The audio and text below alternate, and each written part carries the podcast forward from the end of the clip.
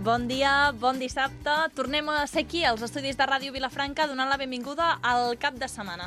I avui, com cada setmana repetim, ens despertem molt ben acompanyats. Ara començarem amb l'Enric Vidal i el Marc Paredes i el seu entremès. Ells ens porten les activitats més destacades del cap de setmana.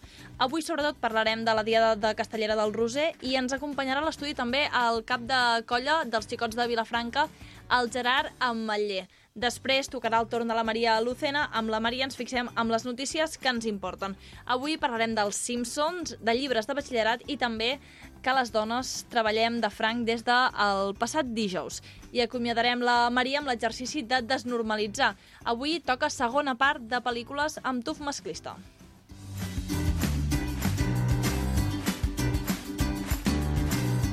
I seguirem parlant de pel·lícules perquè l'Àlex Miret, el seu calaix desastre, ens portarà jocs de taula per a aquells més cinèfils. I tancarem avui el dissabte amb el Cafè amb Sal, on fem això una conversa de bar, però a la ràdio.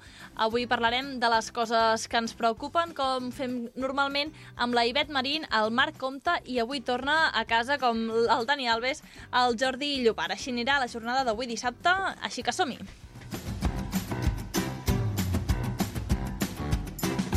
Penedès cap de setmana, el magazín dels dissabtes i diumenges a Ràdio Vilafranca.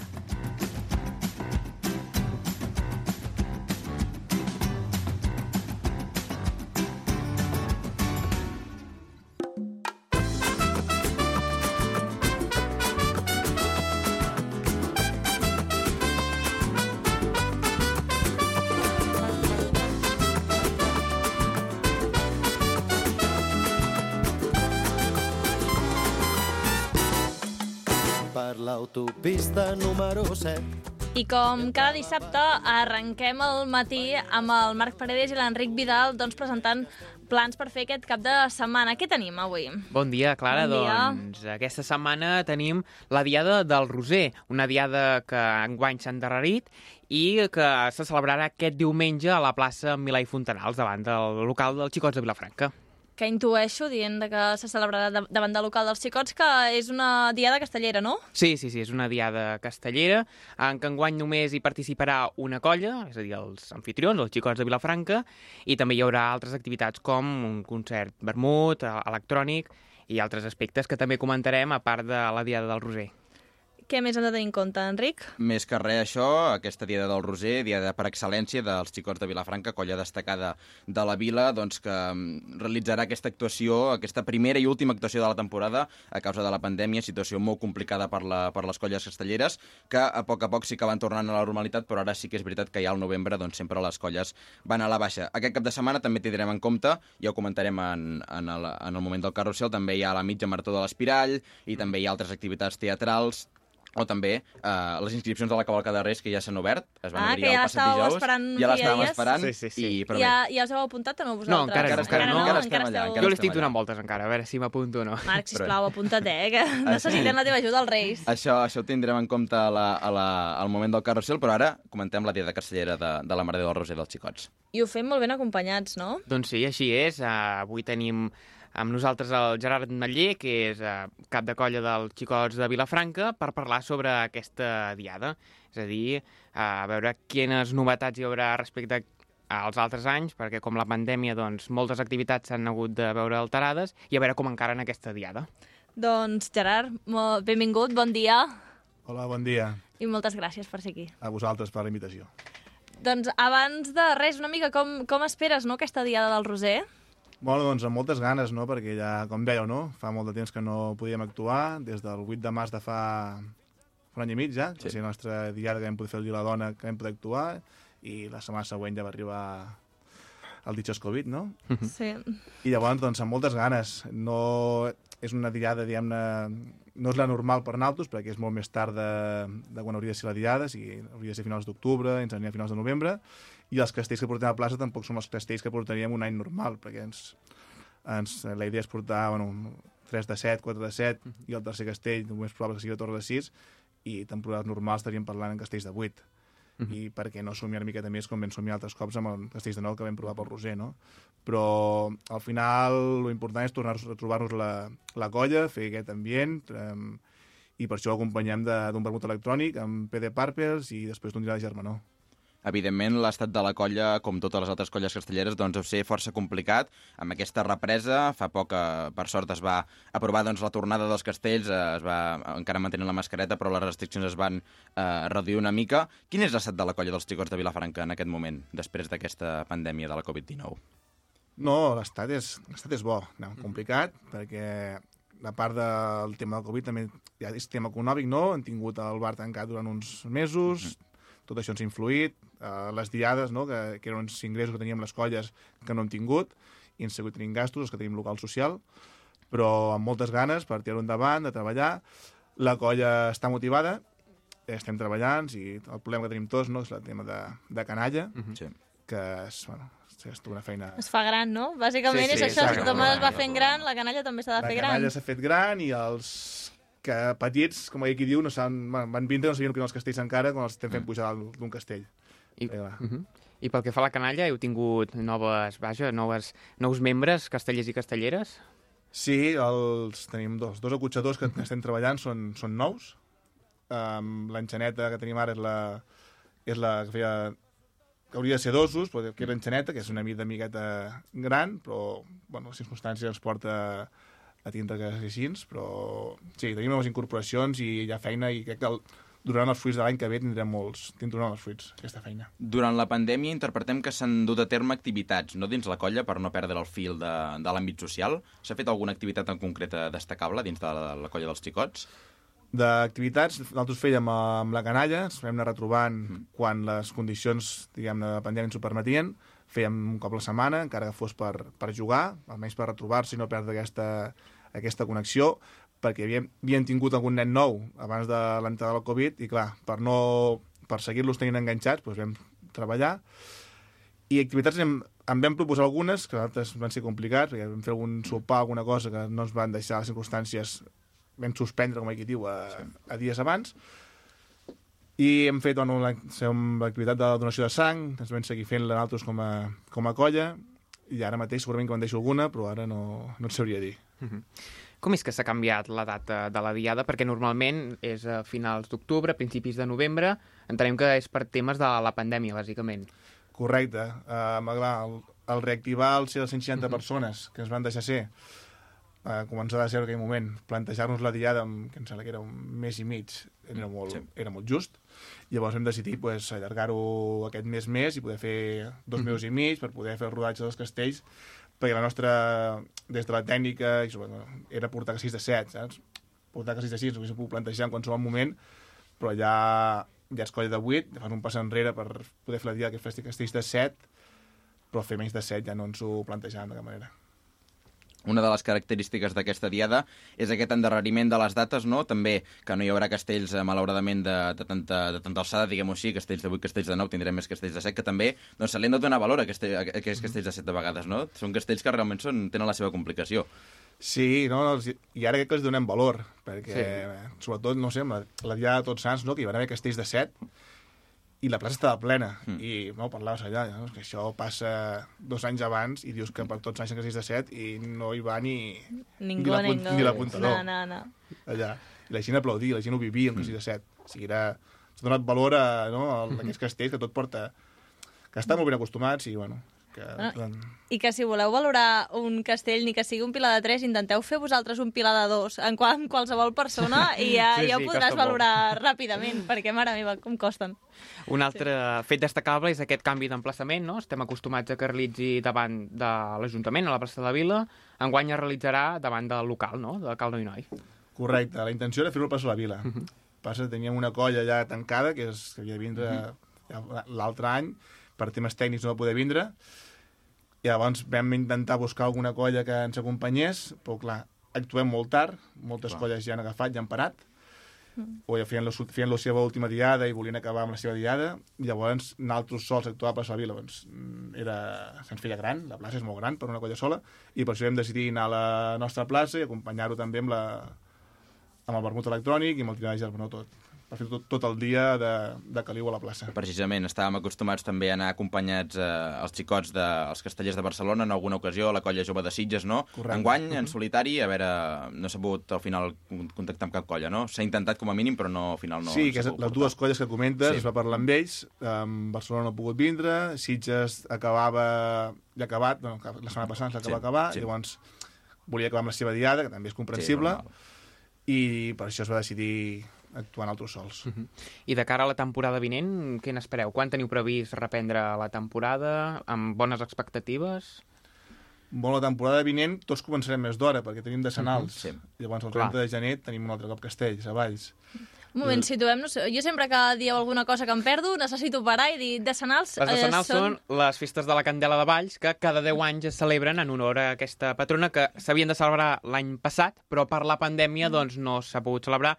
I, uh, si no recordo malament, el 2011 ja es va fer que totes les colles, totes Sí. les colles castelleres de Catalunya van a Valls, al quilòmetre zero Mm. del món casteller, per alçar els castells. No sé si aquest any ha canviat eh, poc, el format, no, però... Poc, fiest, És un dels poc actes fiesteros, eh? Perquè destacats. cada 10 anys, no sé si No, s'han no, de però- recuperar però tant de Cristina, Cada temps. 10 anys l'alien de Molt. manera important. Sí, sí. És a dir, fan actes d'il·luminació molt bèstia, totes les colles castelleres, actuacions del seguici excepcionals, és a dir, és molt bèstia. Però un acte destacat és aquesta trobada de totes les colles castelleres. Totes les colles castelleres. Totes, totes, Totes, totes. Oh, sí, som... De Catalunya, totes les que, que vulguin anar-hi Sí. doncs, tenen l'opció de tirar, fer un castell i un pilar. Porta... Jo, jo no, no ho monto, però porta moltíssima feina gestionar... Sí, sí, sí, sí, sí. amb- no sé quanta gent serem, però serem algun cal de miler de persones més a Valls. Si serem més gent de fora que de la pròpia localitat, crec que ha de ser complicat de, de gestionar una cosa com aquestes i, i per fer-ho cada per fer-ho molt sovint. Perquè quan, quan serà? Quan heu dit que serà, els decenals? Més o menys? Finals de gener, principis de febrer. Sí, 30 de gener. 30 de Ah, o gener. sigui, o sigui que d'aquí res ja haureu de tornar a assajar, Exacte, com sí. qui diu. passat, passat Reis, com aquí diu, haurem Sí. de tornar a arrencar per, ja per, per decenals i després ja anirem seguint ja per la temporada. Nosaltres començam a, acost- de, de, acostumàvem a començar la nova temporada passat carnavals, depèn com queden carnavals, aquest any també bueno, començarem al gener, poder fer una miqueta de, de peron per carnavals, perquè la gent també li costa més vindre assaig, però després ja seguirem. Al final tornem de zero i s'ha de treballar molt, i sí, com més treballem, és any de concurs, um, s'ha de, de treballar al local per poder portar castells Clar, a l'any que ve torna al concurs de castells, esperem, si tot evoluciona favorablement, torna al concurs Clar, de perquè ara castells últimament estan donant unes notícies una mica dolentes, eh? Ahir ja van cancel·lar, és una tonteria, eh? Però van cancel·lar re, un festival d'escola. Mhm. Festival d'escola que havien de cantar uns nens i ja ho han cancel·lat, al Sant Josep. Mm. Però clar, ara mateix les escoles és un lloc on hi ha molt... vaja, Hi ha rebrots, eh, a les escoles, perquè clar, són els nens els que no, no estan vacunats. Però reprenent el fil al món casteller, eh, sou optimistes, ja sé que encara és molt aviat, no? però sou optimistes per de cara a la propera festa major doncs, tornar a veure castells de nou o de vuit pels, per part dels xicots de Vilafranca? De 8, um, sí, eh, indudablement. De 9 ja són paraules Sí, paraules són majors. importants. Uh, bueno, nosaltres treballarem. Nosaltres la intenció és treballar, treballar, treballar, i al final els castells uh, donen el fruit quan el donen. Poder t'espires que surti més tard o més d'hora, però la qüestió és treballar, i si les coses surten, doncs jo crec que més tard que més d'hora tornarem als xicots a castells de nou. No? Hi ha hagut baixes a la colla? Bueno, sempre hi ha baixes i altes. És un, el món casteller és un món que és molt rotatiu, diguem-ne, i hi ha, uns, hi ha un circuit de gent que ve i, ve i surt i torna, hi ha els fidels, que podríem dir, i hi ha un, un moviment continu de gent d'altes i baixes. Que, que pot ser baixes i pot tornar al cap de dos anys, Sí, sí. no vol dir que no torni mai més. Acabem de comentar que aquesta diada servirà ja per acabar la temporada, no?, per la colla. Uh, així acabem la temporada i llavors ja tornarem a reprendre el mes de gener, oi? Que, que quedi clar. Sí, correcte. Si us sembla, a més de parlar una mica del món casteller, m'agradaria anar a la festa. Més coses que, que hi haurà, no?, Aquests dia, Exacte. a, aquesta Doncs sí, diada sí, del sí, Roser. sí. Què, més, què més hi haurà a part de, de castells? Doncs un cop finalitzada l'actuació hi haurà un rebut electrònic amb PD Purples Mm? i finalitzar, acabar... Sí, més o menys a quina hora serà, això A la del. PD Purples? Per allà a la 1? O sigui, No. al vermut, l'hora del vermut. Sí. Sí, També de una 1 mica... a 3, de 1 a 3 aproximadament, i després fem un dinar de germanor que farem, bueno, en fideuà, que Pot anar-hi tothom o només has de ser membre de la colla? O sigui, que tothom que ens estigui escoltant pot anar... per 5 euros el plat de fideuà, Mm? Ah, tothom està benvingut. A la plaça Milà i Fontanals, no? Correcte. Deixem-ho clar, la La plaça, plaça Mira Fontanals, que no us lieu, que és la plaça dels porcs, perquè Sí, molts sí, cops la exacte. gent es pensa que és el, del, El monument. el de l'estàtua, no. I no és així. No, no, no, no és així. Com es diu, el, el de l'estàtua? Ara es poso amb un compromís. Milà i perquè- Fontanals. No, no, la plaça, perquè hi ha dos... La Rambla. Hi ha la Rambla Sant Francesc i I la, la plaça Rambla. Nostra Senyora. Mm. La Rambla... M'estic fent un lío de Calambla, perdoneu. Resumint, aneu a la plaça dels Porcs i allà doncs Exacte. tindreu els. PD Park per allà a la una i a les 3 una fideuada. Correcte, però si, si venen, que vinguin de cara a les 12, així també veuran Sí, castells. exacte. Exacte, Més, sí, sí, sí. sí, sí. A viure Castells, no? que també és important. Ah, exacte. Acabem de comentar tots Sants, Castells de Set, però amb molta emoció. Doncs, evidentment, també veurem Castells de, de Set en aquesta dia del Roser, que esperem que també es puguin viure amb molta il·lusió per part de la colla. I com han estat aquestes últimes sensacions, aquests últims assaigs previs per la diada de demà? No, la, diguem, bons. Eh, els castells, eh, el que ens plantejàvem portar, ha castells de set, els, fa dies que els treballem i ja estaven, estaven clars. L'únic, el tema era el tercer castell, que est- seguim treballant, no? Era la torre de 6, treballàvem amb el 5 de 7 o amb el 4 de 7 amb agulla. I són castells que treballem, que si, no sé si els portarem o no, igual com el Pilar de 5, però al final és feina que tenim feta. Si no és per ara, serà per la temporada vinent. I al final, no, molt contents, molt contents de la reacció de la colla i, i a seguir treballant.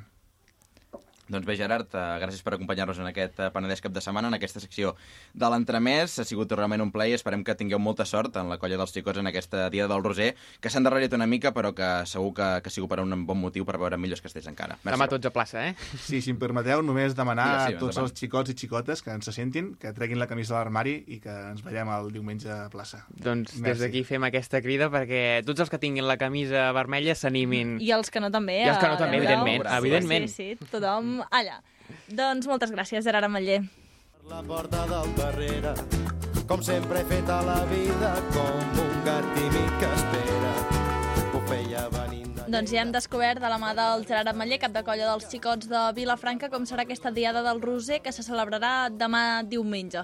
Vosaltres heu sigut castellers? No sé si us he preguntat. No, jo no he estat mai casteller. Jo no he estat no? mai Casteller tampoc. Vaig anar un dia a l'assaig jove dels castellers de Vilafranca. Sí? M'agraden molt els castells, però des de fora. Ah, des és de a dir, fora, no? els hi dono Un molt de mèrit, m'agrada molt el món, m'agrada molt veure el concurs, m'agrada molt anar a moltes actuacions, conèixer les fricades de cada colla, però participar-hi no. No, no, igual, no, no. eh? Sí, De fora, de fora. de fora, no? Sí, de fora, sí. de fora. Però ara bé, eh? Mai, no sé, mai se sap, no? A veure mai si... diguis sí, sí. mai. Ah, tu. Marc, potser no... És que no tinc ni idea, però potser agulla et quedaria bé. Bueno, no sé, dir o, el que diuen, o, no? o potser O fer pinya, no, mateix? Fer pinya, sí, sí, sí. Bueno, fer pinya es pot fer de moltes maneres, eh, també. Sí, Allò, sí. Lo típic que t'avisen superràpid quan es feien 3 de 10 i aquestes Sí. coses que intentaven Sí, sí. arreplegar tothom.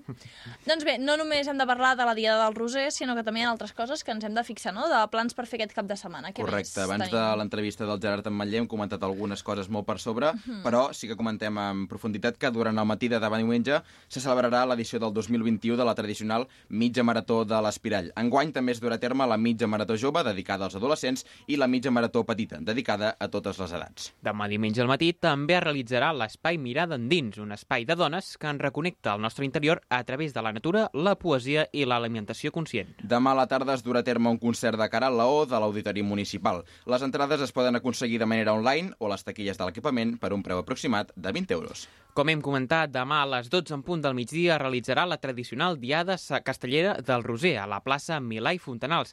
En acabar hi haurà un vermut electrònic i un dinar de germanor. El passat dijous, dia 18 de novembre, es va iniciar el procés d'inscripció per a la cavalcada de Reis del 2022. El termini d'inscripció finalitzarà el divendres dia 3 de desembre.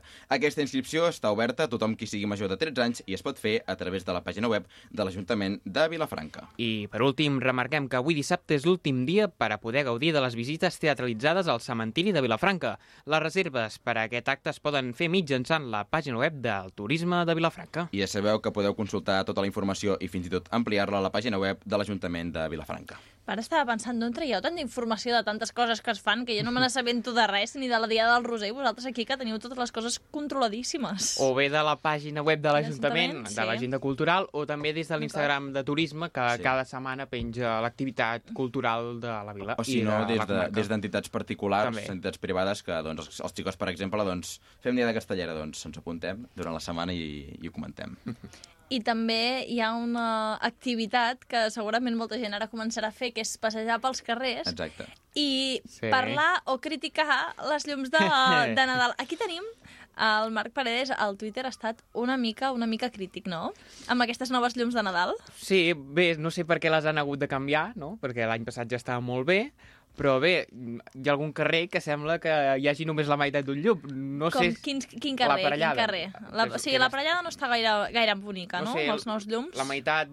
O sigui, una part de l'aparellada hi ha una meitat d'un llum i la resta, doncs, sembla que està complet. Però no sé, no sé. No sé si eh, tenen un conveni amb l'Ajuntament, amb l'empresa dels llums de Nadal i per això els han tornat a canviar, o, o no sé. Però bé, no són els de l'any passat. No, no estàs gaire satisfet, Marc. Tu, bueno, els hauré de veure encesos. Eh? Encara no faig Sí, cap exacte, valoració, clar, però clar, de clar. moment, pel que he vist ara, no sé, no sé. No acaben de A mi no em desagraden, eh? A No? mi, no. Els de l'any passat, eh, quan els vaig veure a Primavera Vista, vaig dir, ostres, han tret les copes de vi, els galls, que eren, eren xulos i eren personatges per Vilafranca. Sí. I vaig Ah, dir, això "Ostres, sí, aquests sí. són molt, són molt típics, són molt, doncs, com un estel o estrelletes, no? Però els vaig veure encesos i eren molt xulos. Eren més estètics. Sí, Sí. sí. i a l'Ajuntament va quedar molt maco, era preciós la, a la plaça de la Vila, i també... Però falta una mica potser més de varietat al Exacte. centre. És a dir, a les avingudes, a la Ronda de Mar, a les rotondes hi ha una mica més de varietat, al centre només hi ha una tipologia de llums, potser sí que caldria potser alguna varietat més, però a, a mi no em desagrada. Jo, a mi m'agrada, m'agrada. I també abans, fora de micros, estàvem parlant no, de també a vegades de tanta llum posar-la al carrer quan hi ha molta gent que no pot ni obrir el llum o que està intentant, s'està morint de fred i diu no, no, és que no Mm, sí, obro la sí, calefacció sí. perquè està mm, a preus desorbitats. Doncs sí, i a més a més que la setmana que ve han de baixar molt les temperatures.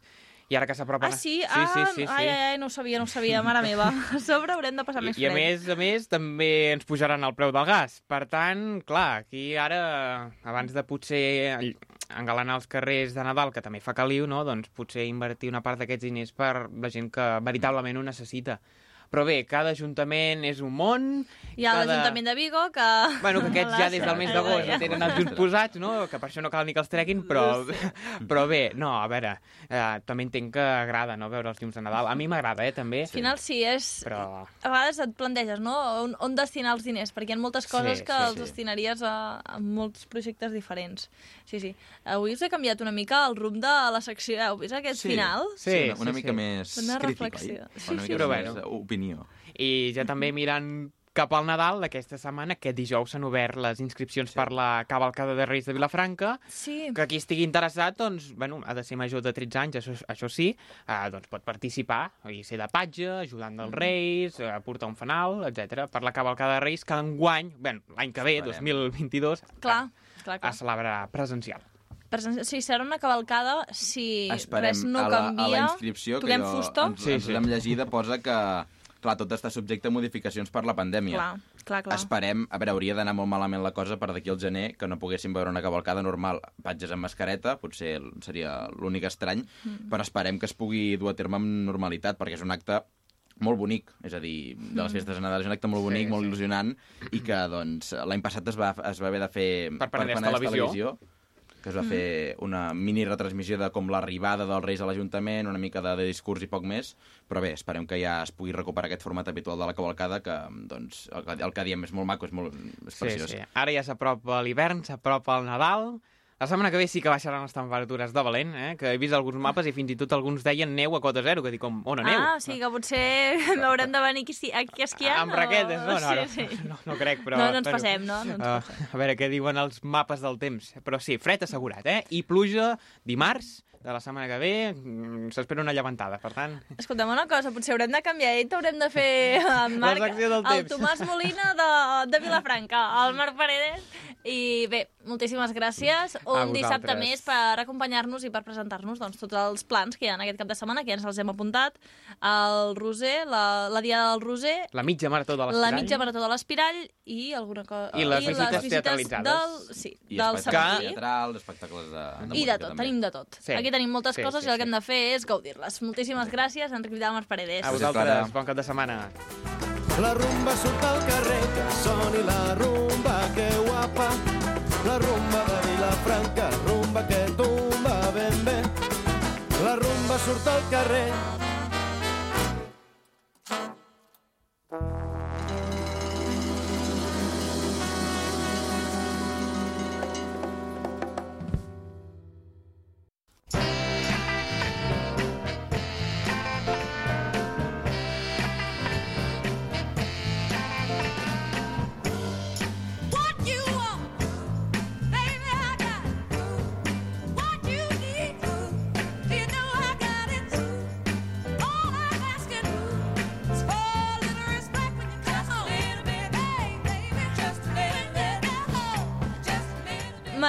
Lucena, bon dia.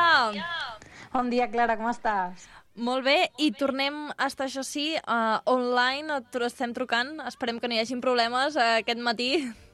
Esperem que surti bé.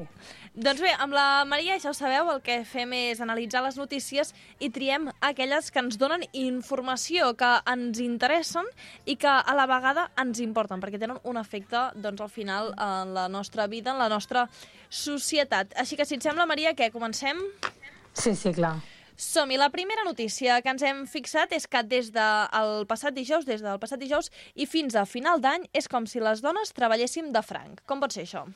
A mi això em sembla un titular eh, fortíssim, per començar. Però ent entenguem-lo. Què, què hi ha darrere d'això, Maria?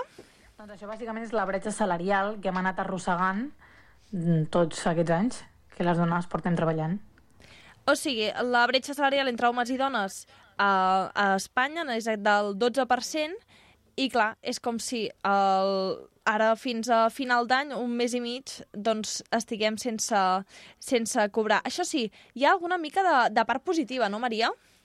Doncs és que mica en mica es va reduint, però la veritat és que no hi ha prou. O sigui, de fet, la doncs, calcula que al ritme actual la igualtat salarial, o sigui, no arribarà fins aquí, atenció, 83 anys. Fins aquí 83 anys no hi haurà i, igualtat salarial entre homes i dones. Sigui, 83 anys, eh, Clara? Um, no, no ho veurem, no ho veurem ni, no, segurament ni ningú que, ho està, que estigui escoltant ara mateix la ràdio, molt poca gent, molt poca gent. No, no. I com és això? Quines explicacions poden haver-hi? Ara, jo trobo diverses coses aquí, punts importants. En primer lloc, doncs que hi ha moltes feines que estan encara categoritzades, posades l'etiqueta no, d'una feina per homes una feina per dones, i moltes de les que estan feminitzades, diguem, no, són, per exemple, les de les, les tasques de la llar, les dones que van a treballar a, a una casa, les dones que van a... Les dones conegudes com les dones de, de la neteja, per exemple. O doncs, són feines que socialment doncs, tenen menys valor, o sigui, tens menys retribució, retribució econòmica. Tot i això s'ha demostrat que durant la pandèmia han estat essencials. Sí, sí, sí, sí. I a més a més, també hi ha un punt que és molt important, jo penso que és um, que les dones, per exemple, moltes vegades no poden um, agafar, per exemple, una, una oferta de, de treball complet durant tot el dia perquè després eh, uh, fan feines a casa, que és una, una feina que no està mm, pagada, i són les... Hi ha més dones que homes que fan aquestes tasques de la llar de, de les cures de casa dels nens, si tenen nens, de les persones grans, de posar una rentadura o de eh, recollir la casa, d'anar a fer la compra. Hi ha moltes més dones que homes que s'encarreguen d'aquestes tasques. I això és una feina que s'ha de fer però que no està pagada. I que, tot i que sí que cada cop anem fent més passos a que ja és compartir les tasques de llar, que és allò de l'home ajuda a la dona, tot i això eh, es pot veure amb algunes dades. Per exemple, un 70% de les reduccions de, de jornada i un 90% de les excedències les agafen les dones. I això Clar, és clar. una dada que mostra doncs, que són elles les que, les que doncs, tenen més cura de la llar o, de, o dels familiars. Clar, clar, també és el fet de quedar-te embarassada, doncs, um, després de quedar-te embarassada del permís de paternitat, que crec que ara és igual, no?, per homes i, bueno, ho han igualat pels homes i que, les, sí que la mare i el pare tinguin, tinguin uh, el permís, però després les dones, la gran majoria, són les que s'encarreguen de, de, dels fills i de les, i de les filles. Doncs aquest, aquest punt que, que ara estàvem comentant doncs, és un dels que, dels que fan, que donen com a resultat aquesta notícia, que és que des de dijous i fins, aquest passat dijous fins a final d'any, és com si les dones treballessin de franc. Si et sembla, Maria, ara anem a una notícia bastant més bona.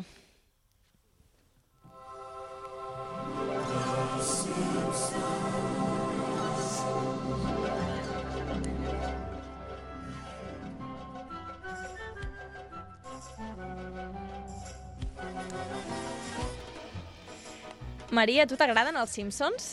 Sí, m'agrada molt els Simpsons. Jo me recordo que quan era més petita sí que els veia dinant tots els dies, tots els dies els veia dinant. Doncs mira, no sé si havies vist mai una parella de l'LGTBI al, als Simpsons. No ho recordo i si ho recordo segur que no eren els protagonistes. Doncs ara, per fi, l'ajudant del senyor Burns, que sí que va sortir de l'armari el 2016, doncs presentarà la seva primera parella, i això és un pas històric de la sèrie d'animació per incloure doncs, el col·lectiu LGTBI, que també han tardat una mica. Sí, sí, han, han, han trigat bastant. Però a mi em sembla un bon pas perquè mm, al final també és el que parlàvem l'altre dia el desnormalitzem també i és que la ficció al final és un referent per la societat i si vols, per molt que facis ficció, jo crec que has d'incorporar la societat en tota la seva totalitat. Hi ha dones, hi ha homes, hi ha persones eh, no binàries, hi ha persones hetero, hi ha persones homosexuals, hi ha persones bisexuals, i totes aquestes realitats crec que les has d'incorporar a la ficció, sobretot perquè la gent més petita doncs, tingui referents, no? En aquest cas, el, això que ens estava dient la Maria, aquest capítol del Simpson es podrà veure a Disney+. Plus. I hi ha una curiositat, Maria. Saps qui doblarà aquesta, la parella de les Smithers? No, no sé. Doncs ell és un actor que es diu Víctor Garber, que és conegut segurament per la pel·lícula de Titanic, mm, de, que va interpretar ell el paper del constructor del vaixell, i el Garber doncs, ha explicat que ell és homosexual i aquest, doblar aquest personatge del Simpson doncs, li ha anat molt bé, ha estat fonamental perquè així li ha recordat alguns dels sentiments de quan era jove i quan doncs, en aquells moments també doncs, costava molt poder dir que, que era gay. Em sembla, o sigui, uh, segur que ha estat un moment molt emotiu i també doncs, molt empoderant d'alguna manera per, per en Víctor. Jo crec que és, un, que és un pas molt important, però també una cosa s'ha de dir, jo espero que, que la trama tampoc se centri en que aquest personatge és gay, sinó que continuï la trama normal i si aquesta persona, o sigui, si l'Smithers ha de tenir converses amb la seva parella, doncs que les tingui, però que no se centri tot el seu personatge en que és gay perquè la, la vida d'una persona doncs, homosexual, igual que la de, vida d'una persona eh, hetero, doncs no se centra en que és hetero o és homosexual. se centra en totes les, les altres coses que no, que no són poques. Per cert, aquesta notícia que ara dèiem l'hem tret de, de rac i la següent en la que anirem ara és una notícia que l'hem tret de Neutral, Maria. Les dones artistes i filòsofes que s'estudien a segon de batxillerat no arriben al 5%. Sí, sí. Mm, Neutral, recordem que és una, eh, és una plataforma que també el que fa és revisar doncs, um, que no hi hagi doncs, fake news i, i sobretot també doncs, coses, co- coses com aquestes que són importants i que doncs, en general no, no, no surten gaires notícies. No? Ha revisat, Neutral el que ha fet és revisar les assignatures de segon de batxillerat que després estudien per, per la selectivitat, i s'han fixat en, en cinc assignatures, que són les que parlen dels autors, o sigui, han deixat de banda les ciències i les, i les llengües, i s'han fixat en filosofia, corregeixin-me si m'equivoco, eh? Sí, digues, digues. En tres històries, història de la filosofia, història de l'art i història d'Espanya. Espanya, clar. Mm. I després cultura audiovisual i fonaments de l'art, que són al final um, coses més eh, històriques i artístiques, no? Diguem, bueno, al final tot és art i, i història. Sí, i llavors doncs, el que han fet és remenar, remenar aquests llibres des de Neutral i han trobat 419 noms. D'aquests 419, que, quin tant per cent corresponen a dones, Maria? No, no, vull, no, vull, no, vull, no vull saber... Bueno, sí vull saber-ho, però no vull dir-ho. Em De- sembla una vergonya. Són, va, ja, ja m'encarrego. D'aquests 419 noms que han trobat els llibres pobrets, han estat repassant els llibres de selectivitat, doncs només 20 corresponen a dones, és a dir, que un 4,8% de les protagonistes són dones i un 95,2% són homes. Això podria ser perfectament un desnormalitzem, estic pensant, eh? Sí, sí, jo també, eh, quan he vist la, la notícia, he pensat, podríem fer... I ho farem, jo crec que ho farem perquè pot ser molt interessant a totes aquelles, aquelles um, dones que no... Primer, que s'havien d'amagar darrere del pseudònim d'un home perquè els fessin cas, després que els donaven els mèrits als seus marits, com a la dona d'Einstein i totes aquestes coses, um, per, perquè eren dones i no s'hi havia reconeixement, i totes les dones que la història ha silenciat, que déu-n'hi-do, eh? I bé, no s'aca- no s'acaba aquí perquè ara estàvem dient que només 20, trobem 20 dones als llibres de la selectivitat, però totes les dones que apareixen són de fonaments de l'art 2, aquesta és la signatura. No n'hi ha cap a història de la filosofia. Segurament molt recordareu, doncs, Plató, Aristòtil sí. o Des Descartes, eren doncs, els típics. Clar, no hi havia, no hi havia cap dona. A història de l'art, Botticelli, Rembrandt... Recordes algun més, Maria? El, el Miguel Ángel aquest, no?, també. Un Sí, dels me'n més estudiats. gaire, la veritat, mare meva. Això sí, et diré una cosa, que és que um, fa, una, fa una estona amb la Laia Paretes hem comentat aquesta notícia i ens ha dit que ella Història de l'Art va estudiar la Frida Kahlo. Jo no vaig tenir la sort d'estudiar la Frida Kahlo. No? Tu no? I és una persona que, o sigui, és un personatge i una persona que m'agrada moltíssim. Ojalà, o sigui, tant de bo hagués tingut la sort d'estudiar la Frida Kahlo. Però no, no, no, que va. I si, I si ho vaig estudiar, eh, ho sento perquè no me'n recordo, però jo juraria que no. També a vegades passa que hem estudiat alguna cosa i després doncs, no, no, ens, anem, no ens en recordem ni no ho recordem. Doncs bé, Maria, hem dit uh, doncs una mica que sí, que només apareixen 20 dones als llibres de la selectivitat, però qui són aquestes 20 dones? Fixem-nos en algunes doncs, de més clàssiques. Qui serien? Per exemple, la Coco Chanel, que és molt coneguda, que és una dissenyadora. Després, la Marlene... No sé si diré bé els noms. Marlene Dietrich. Dietrich. Um, jo no t'ho puc dir si ho dius bé o no. Marlene Dietrich, um, és, com es uh, llegeix, és com es les llegeix, punt. que és actriu i cantant. Després també trobem, per exemple, algunes més contemporànies com la Sara Baras, que és bailaora i coreògrafa, i la Madonna, per exemple, que també. La... Que tots coneixem qui és la Madonna, evidentment, no? La Madonna, sí, sí, tothom la coneix i doncs és una de les que surt aquí. Mira, escoltem una mica de Madonna. So slowly, time goes by. So slowly,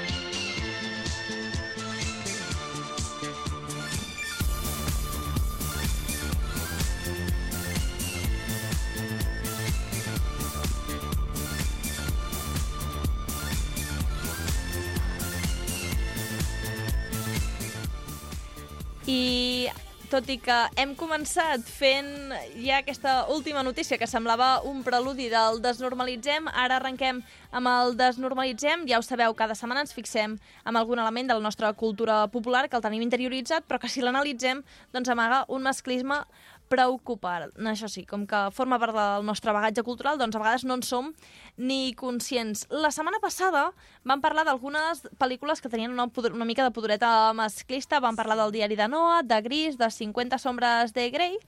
I aquesta setmana seguim, no, Maria? Doncs sí, avui ens toca la segona part, ja ho vam dir l'altre dia que la faríem, i hem fet aquesta segona part escollint algunes, però jo crec que en podríem fer moltíssimes més, perquè um, hi ha moltes, moltes pel·lícules que alguna cosa de masclista i de sexista tenen, i fan vergonya. I sobretot si, si les, les analitzem en perspectiva.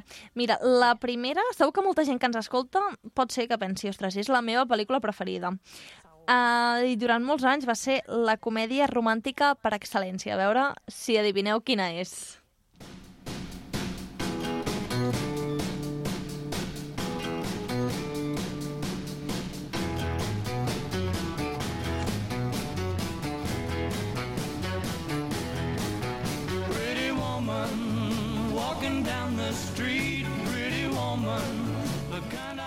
La cançó no enganya, Pretty Woman. Maria, a tu t'ha agradat aquesta pel·lícula?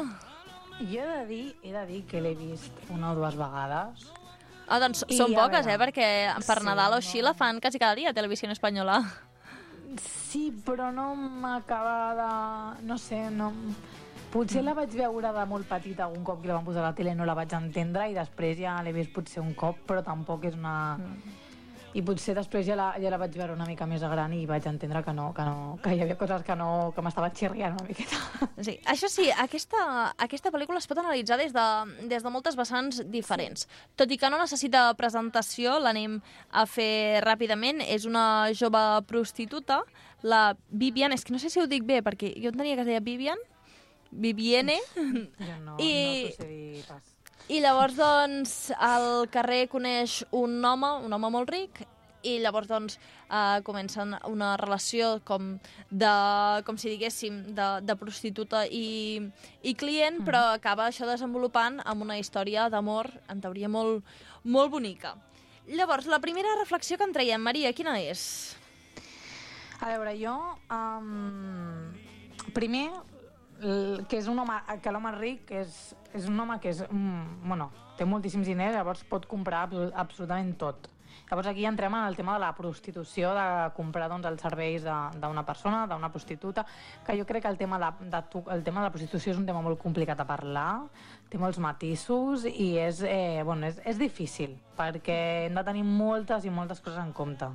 Llavors, això sí, fan un relat de la prostitució quasi idíl·lic, um, com hem dit, té matisos. Hi han coses que podem observar que serien bones. Per exemple, és una, tra una treballadora sexual que marca els seus propis límits i d'una manera molt empoderada. Per exemple, hi ha una escena que ella treu una col·lecció de condons abans de practicar sexe i diu jo dic amb qui, quan i quan. Sí, sí. O sigui, és com des, de, des del primer moment marca moltíssim que el que ja està venint és el seu cos i no, no la seva ànima. O sigui, té com molt clar realment eh, per on vol passar i per on no vol passar. Per aquesta part sí que, sí que està bé, sí que està la part del, del consentiment i la part del, del, bé, del, del, de marcar límits i l'empoderament mm, més sexual i més físic, que és, que és superimportant. I Que a ha- moltes pel·lícules potser no el veiem. I Maria, hi ha un altre aspecte que a tu t'agrada molt parlar-ne, que és l'amor romàntic. Sí, sí, sí. A veure, ella bàsicament, eh, igual que marcar límits en, en el terreny sexual, després ella el que està buscant bàsicament és un conte de fades. És un home que s'enamori d'ella, un príncep, i al final bé, la història acaba... Bueno, al final és d'un- d'una d'una treballadora sexual acaba uh, en una història mm, romàntica de les clàssiques i, i jo crec que, bueno, jo ho he dit, ja ho vam parlar l'altre dia, l'amor romàntic és, és més obsessió que amor i és més necessitat que voler, o sigui, tenir una cosa. Amb els, amb els matisos que estem buscant avui, també es pot veure que, en aquest cas, ella vol l'amor romàntic i és el que aconsegueix aquesta història d'amor. Llavors, mm. aquí també poden haver-hi uns certs matisos, no, Maria? Sí, a veure, jo primer, el que, que és el que ella vulgui, o sigui, genial, al final tots volem algunes coses de la vida i, i si volem això i ho aconseguim, doncs genial. Jo crec que aquí el replantejament, igual que fèiem amb el senyor Smithers abans, al Simpson, eh, també són necessitem referents. Evidentment, aquesta pel·lícula té molts anys, però mm. també necessiten referents on no es vulgui un amor romàntic al final t'acabarà... Bueno, acabes tenint unes, unes actituds que potser no són del tot bones per tu i voler una altra cosa, no? I si et sembla, no només ens fixem en el, en el contingut, en la història en si, sinó també en els plànols de la pel·lícula. Al principi, sí. un dels primers plànols, podem veure ella posant-se llançaria, que, és, que sexualitza molt el seu cos. Això, ara, ella l'altre fa poc va fer una entrevista, la Julia Roberts, la protagonista, l'actriu protagonista, a The Guardian, i va dir que actualment aquesta pel·lícula no es podria gravar. No, no, jo crec que no, jo crec que no, però perquè ara mm, també som, estem molt més sensibilitzats amb, amb aquests temes de la sexualització dels casos de les dones, de la prostitució, de, bueno, i del masclisme en general. Per tant, està bé que també la- l'actriu protagonista la, bueno, la Julia Roberts doncs, faci aquestes declaracions i digui, bueno, és una pel·lícula, una cosa que va quedar allà, però això ara no, no és pensable, no, no, no, no és acceptable gravar una cosa d'aquest tipus. I això sí, aquesta pel·lícula, per molt que ara potser no es podria haver gravat, va guanyar molts diners. Pensa que va costar 14 milions de dòlars. Uf. Estem parlant d'una xifra alta, però és que va recaptar 460 Uf. milions, o sigui, un negoci rodó. Sí, sí, rodó, i jo crec que encara segueix tenint el seu públic i la gent encara li segueix encantant aquesta pel·lícula. A tu no sé si t'agrada. Um, sí. Um, si Bueno. bueno. no s'analitza, si, si no s'analitza, és, una, és una pel·lícula que tu estàs fent zapping, te la trobes i t'hi quedes, veus, enganxa, sí, sí, enganxa. clar. Hi ha, hi ha escenes que doncs, són molt bones, perquè és aquesta barreja de, de comèdia, de drama, de romàntic, que, que això enganxa. Sí, Home, si no, no haguessin guanyat 460 milions. exactament, exactament. I a vegades que tenir les, les ulleres liles no, doncs és una mica complicat per, per, per no estar tos, tota l'estona analitzant i descansar una miqueta al cap també, doncs dius, bueno, no passa res. I si et sembla, anem a fixar-nos en una altra pel·lícula.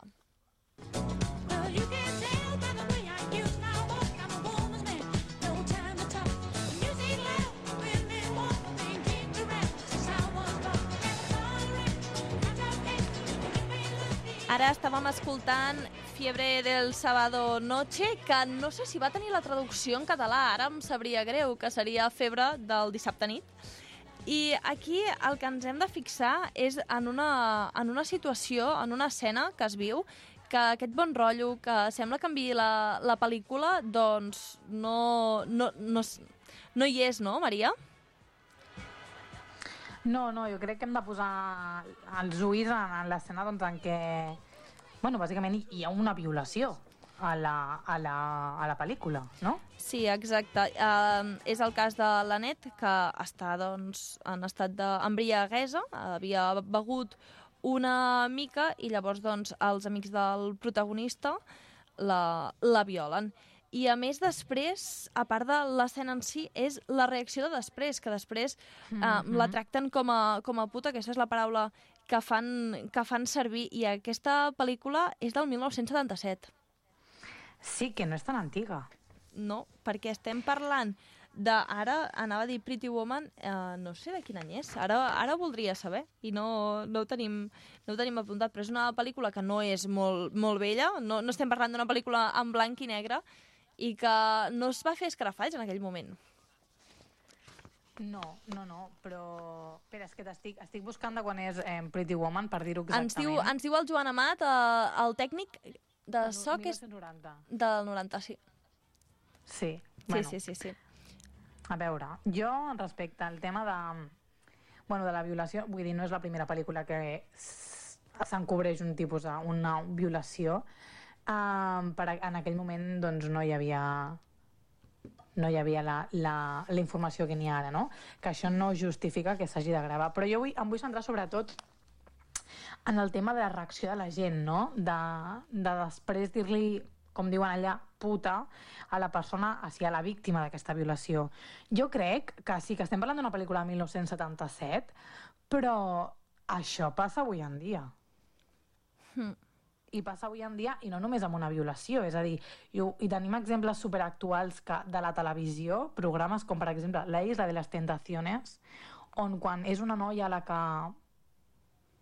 ja gaudeix de la seva vida sexual, amb consentiment, també se li, se li tila d'aquestes coses. I que és un, una, una situació que, que encara estem vivint, que per sort doncs, estem veient com va minvant, i des del Desnormalitzem el que intentem és posar-hi el focus i doncs intentar com a mínim ser-ne conscients per intentar posar el nostre granet de sorra. Maria Lucena, moltes gràcies. A tu, Clara, i a veure si dissabte puc estar allà amb tu. Home, sí, sí, la setmana que ve ja et volem aquí a l'estudi un altre cop amb nosaltres. Sí.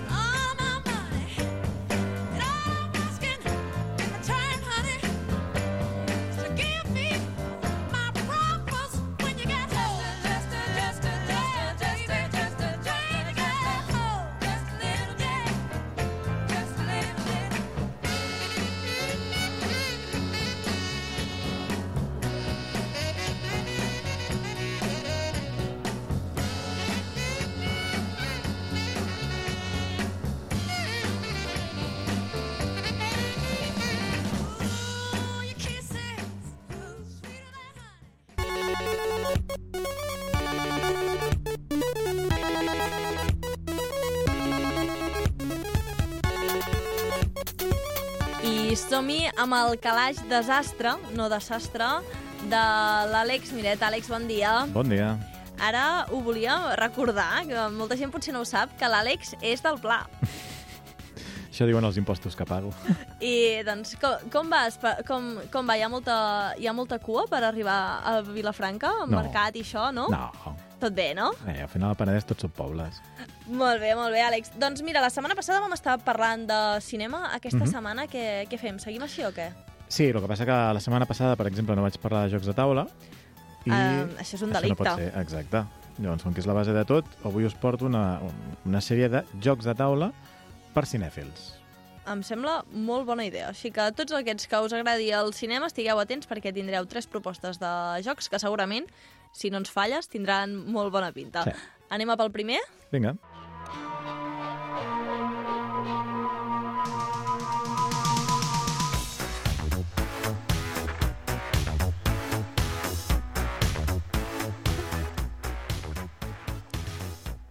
Anava a cantar ja el Ghostbusters.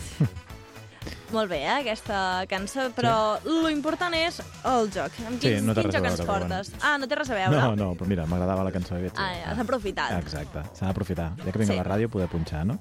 Llavors, el primer joc que us porto és el Film Quiz.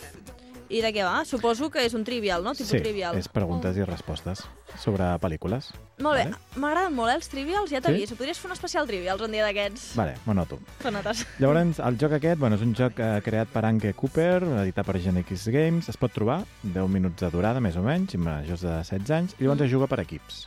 Vale? Val. Llavors, és, és un joc que bàsicament són 111 targetes amb 6 preguntes per cada targeta. O sigui, ha 666 preguntes, vale? de, en diferents categories. No? Doncs tenim categories d'estrelles, que són preguntes sobre les estrelles. Vale? Cites de les pel·lícules, eh, festivals, mm, preguntes genèriques, sobre només pel·lícules clàssiques i sobre directors. Vale? Llavors, bàsicament, doncs, mm, agafes, li, preguntes, li fas una pregunta a l'altre equip, si encerten dos punts, si falles, un punt. O sigui, un punt negatiu. Un punt I ja negatiu. està. Sí, al final de 25 preguntes, doncs el que ha fet més preguntes encertades guanya. Ja està, així de senzill. Així de senzill. Sí, sí, sí. A vegades els jocs senzills també s'agraeixen, eh? Sí, allò que dius, mira, un sopar d'aquests ràpids, dius, ai, no, no tinc ganes de que m'expliquis regles, treus això, que és agafar les targetes, començar a fer preguntes, respostes i ja està. I ja està. Sí, al final el tema de les puntuacions és el menys important. Doncs es diu Film Quiz. Mhm. Eh, hem buscat fa una estona, això sí, a veure alguna pregunta d'exemple, però no no n'hem trobat cap per No. internet. No, però sí que és fàcil de trobar el joc per comprar-lo. A veure, té, Mm. té uns certs anys, sí que és cert, però jo el veia per tot arreu. Al final, en botigues de, de joguines, fins i tot aquí a Vilafranca l'havia vist. Sí, Sí que no crec que sigui gaire complicat de trobar. És, una peti... és com una llauna metàl·lica i ja està. Que, a més a més, la portada és com d'un personatge de cinema clàssic. O sigui, és bastant irreconeixible. i llavors ja està. Film Quiz, per tots aquells que us agradi doncs, el cinema, fer preguntes de cinema, doncs és un bon joc. Anem pel següent joc? Vinga, anem a fer spoilers.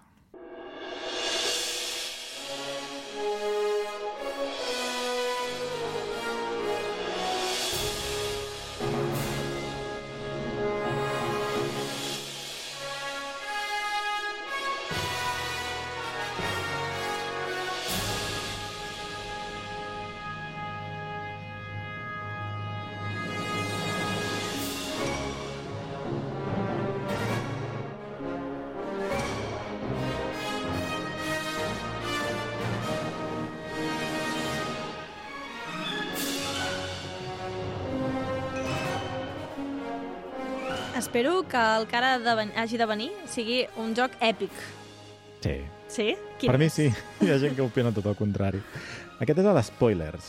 De spoilers n'hi ha varis. Llavors parlaré del primer, que va ser l'original. Vale?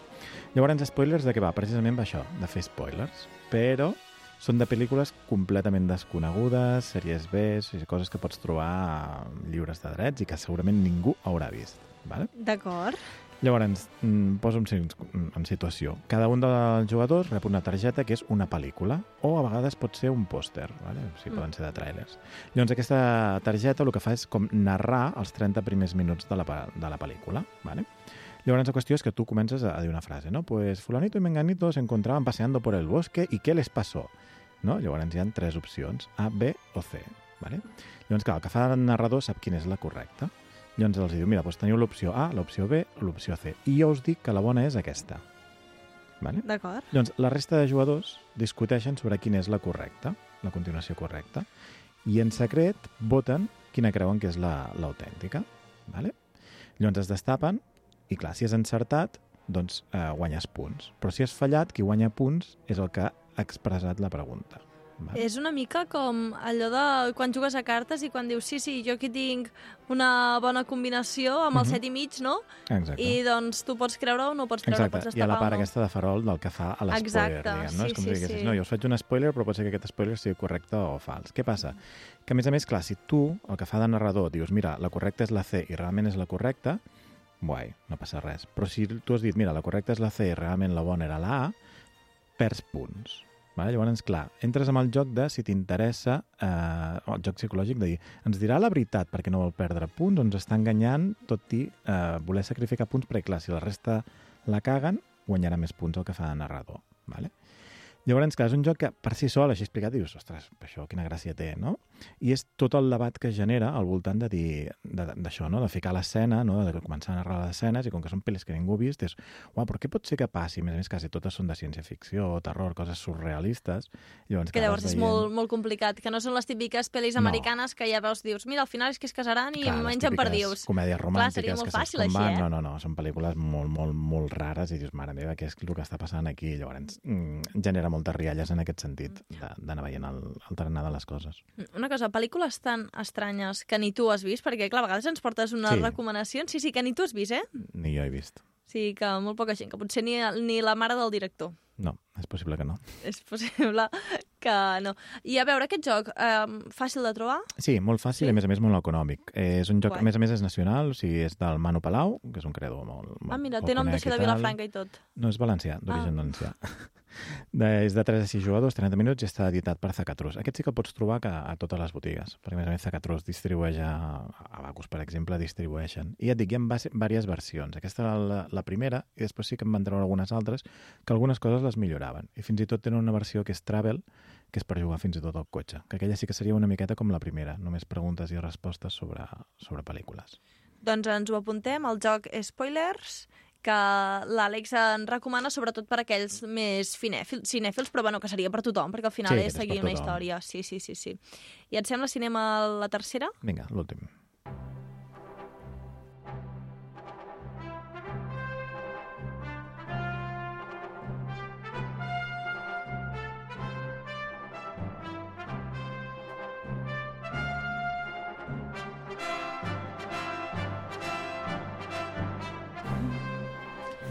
Ara, aquest tercer joc especial cinema, espero que sigui d'aventures. Mm, sí, algunes coses. Sí? No. Que... Ah, no? D'acord. No. Quin joc és? El nom, Timeline. Aquí he fet trampes. Per què? Sí, perquè hi ha diverses versions del timeline. Normalment el timeline eh, acostuma a ser de descobriments, invents, però n'hi ha un específic que a més a més ja no pots trobar, perquè és una edició antiga, que era sobre cinema, cinema i música. Vale? Llavors el timeline què és? Bàsicament és com una baralla de cartes, on de cada una de les cartes, en aquest cas per exemple el de cinema, seria una pel·lícula. D'acord. Llavors la qüestió és que tu t'has d'en recordar, entre cometes, o més o menys calcular quin va ser l'any de l'estrena d'aquella pel·lícula. Vale? Uau. Llavors, què passa? Imaginem, no? A la carta, ai, a la ta carta, a la taula hi ha una carta que és una pel·lícula. Imaginem, Star Wars. I està allà, sota, vale? i et diu pues, esta- aquesta es va estrenar el 1977. Llavors tu agafes una altra targeta i dius Matrix. No? Dius, mira, vaig a jugar a Matrix. Llavors dius, clar, l'has de posar si es va estrenar abans o després de Star Wars. Vale? Llavors dius Matrix, va, jo més o menys sé que són dels anys 90, doncs la poso després. Vale? Llavors, clar, destapes i veus si has encertat o no. Que has encertat? La carta es queda sobre la taula i passa al següent jugador. Que t'has equivocat? Doncs aquella es descarta i n'agafes una nova, perquè tu comences amb cinc cartes i l'objectiu és quedar-te sense cartes. Llavors, què és el que passa? Ara hi han dues cartes sobre la taula i et toquen tu.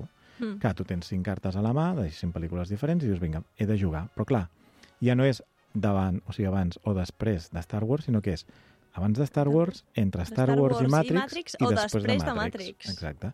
Que Uau. l'encertes, ja hi ha tres cartes, ja estem parlant d'abans d'aquesta, entre aquesta i aquesta, entre aquesta i aquesta, o després d'aquesta. Clar, cada cop la línia es va fent Es va més fent. llarga. Això aniria molt bé també un especial amb, amb fets històrics. Mm -hmm. Allò, la Revolució Francesa, Sí, i anar, que- anar fent. Per això et deia que feia trampes, perquè el timeline original és popurri de tot això. Llavors tens Mm. descobriments, tens successos històrics, tenies pel·lícules, cinema... L'únic que després eh, van traient de tant en tant com packs específics, de dir, mira, és que a mi Mm. m'agrada molt el tema dels invents, doncs n'hi ha un específic d'invents. Un altre de successos històrics, doncs només et quedes amb aquells successos històrics. O en aquest cas aquest que era només de pel·lícules i cançons.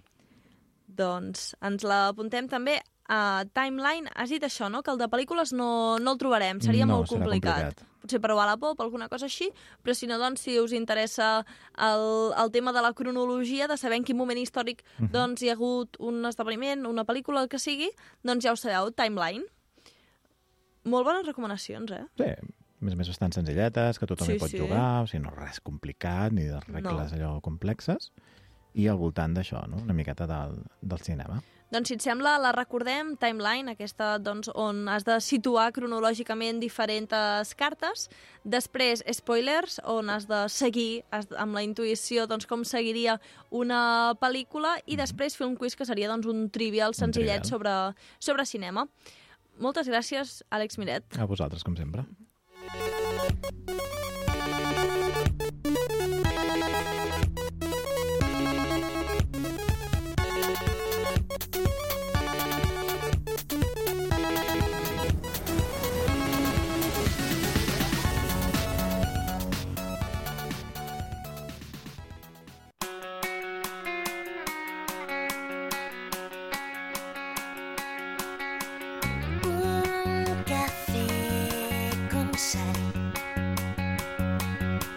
Som-hi, som-hi, som-hi. Ja és el moment del cafè amb sal de la nostra tertúlia de bar radiofònica que fem. Avui ens acompanya l'Ivet. Ivet, bon dia. Hola, bon dia. Ben tornada. Celebrem que estiguis aquí. Gràcies, gràcies. Us vas trobar a faltar la setmana passada. Ets la, ets la reina del cafè amb sal.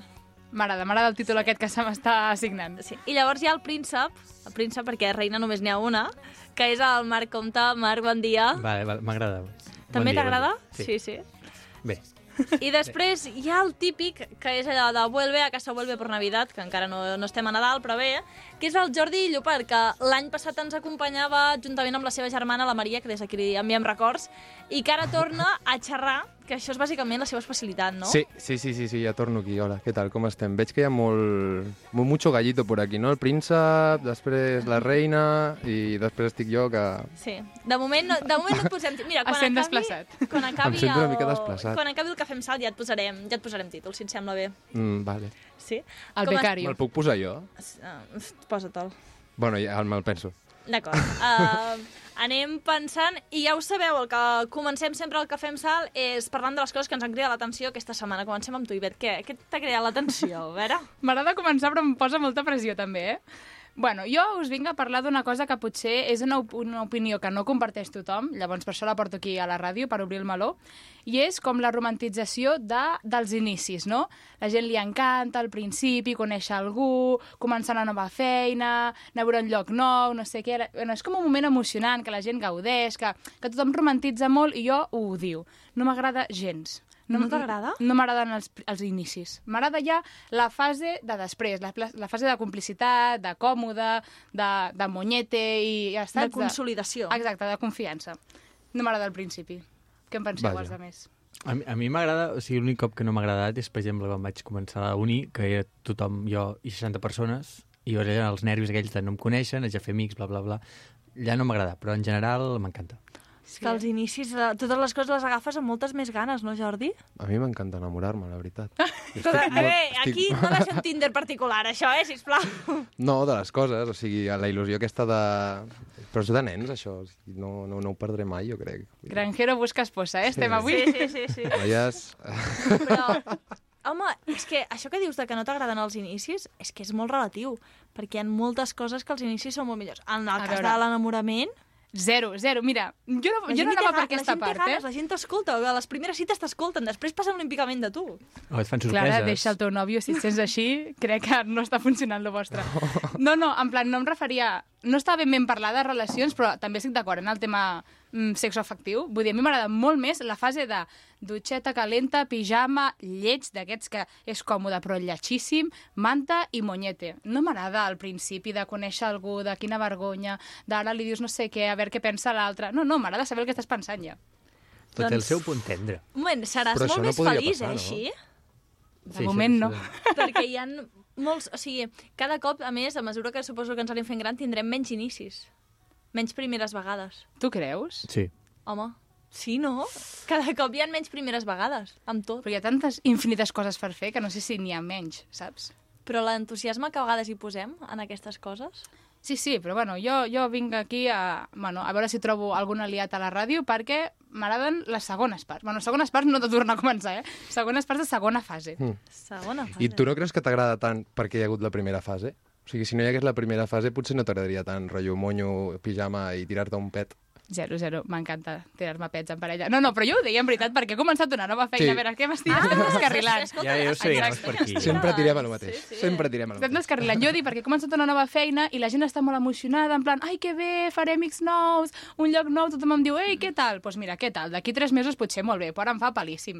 Haver de fer amics, troba tu la teva Però cadira... si tu ets molt simpàtica, més. Imagina't. Però és de portes cap a fora. En realitat és una cínica. No, no, no, no. Soc simpàtica. Però sí, no, m'han- molt simpàtica. oi? no és que odiï els principis. M'agraden, els s'han de viure, però Mhm. no els romantitzo com els romantitza Però heu aquí el nostre tots? company. Heu començat tots a la mateixa vegada? No, no, no, no, hem començat sis de cop. Sis de cop. Si no, si no tots seríem prin al principi no passa res. Però ningú us coneixia? O ja us coneixíeu? Dels nous? Sí. No, no, no ens coneixíem. Vale. I els altres cinc estan com drogats? Els altres 150 uh, Oh. ja estaven a però quina- l'empresa. On te treballes? Però sí? Ai, Novamat. Oh. I què és això? No estic cobrant, eh, per Tenim propaganda. partnership amb... Ah, sí, sí, sí, sí. I què, I què fas a la nova empresa? A veure, això és una mica avorrit, eh? Però bueno, és una empresa que té una proposta matemàtica i treballem una mica per, amb la didàctica de les mates. Bàsicament, així en Mm. resumit. Com anem de mates aquí? Um, Fatal. Ta- ma- tan malament que no he entès ni que exactament què has de fer la feina. A veure, tu les mates te'n recordes com es fan?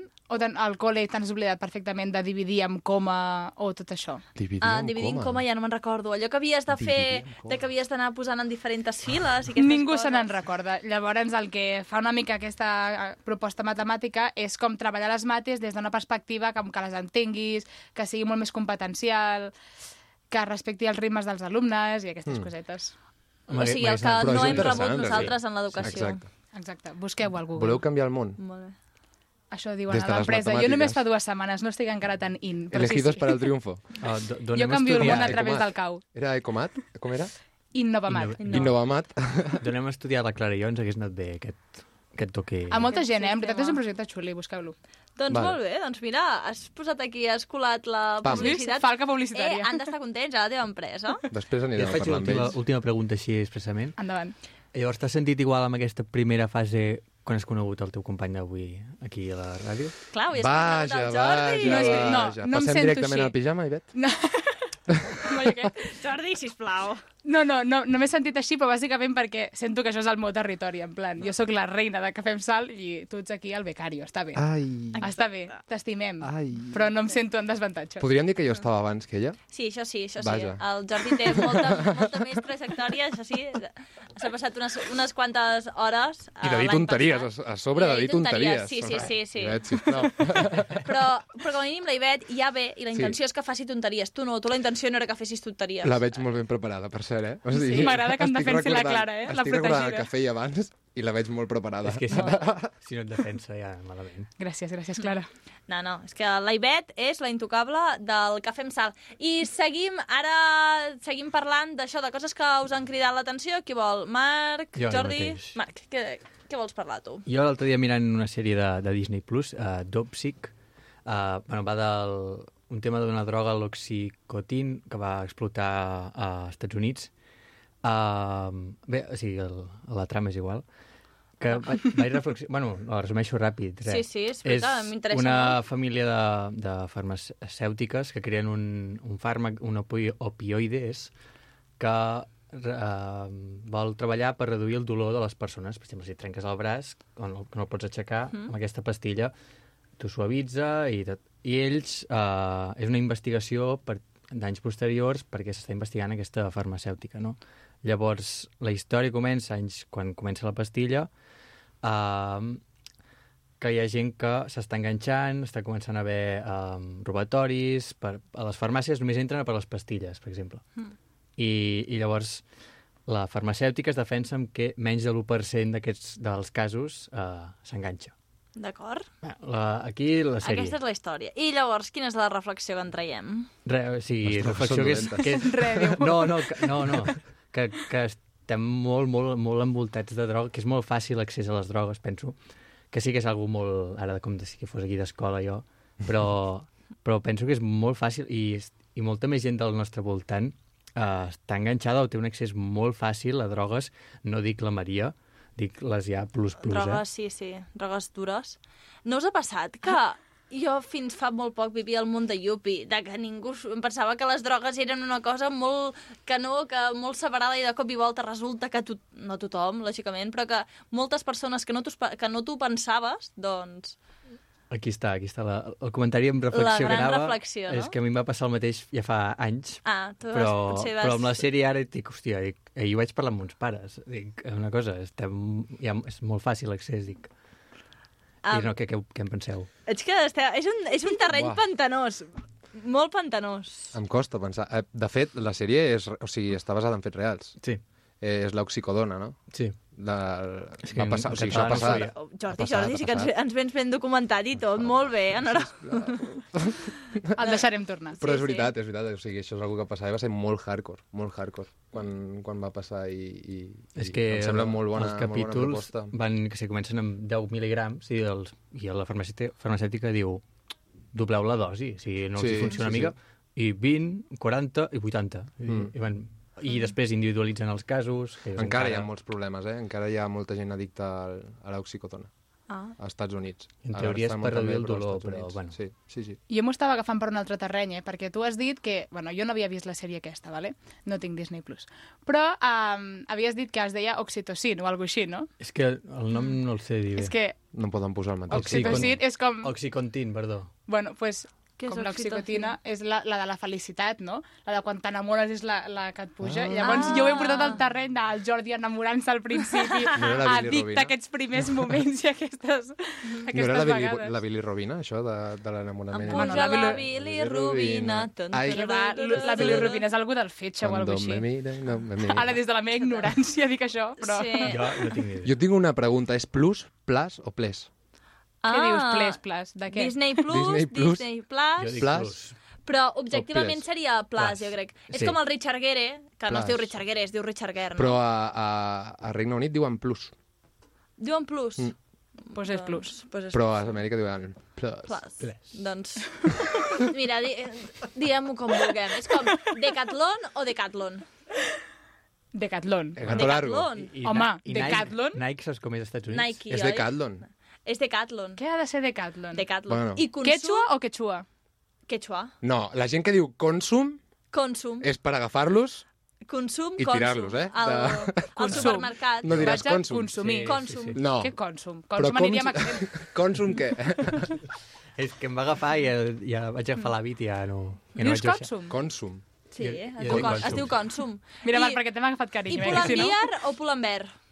Bier. Bier, bier, bier. Pull&Bear i H&M o H&M o H&M. I Zara o Zara? H&M, claríssim. H&M, que com si fos aquí una marca super sofisticada. Zara o. Zara?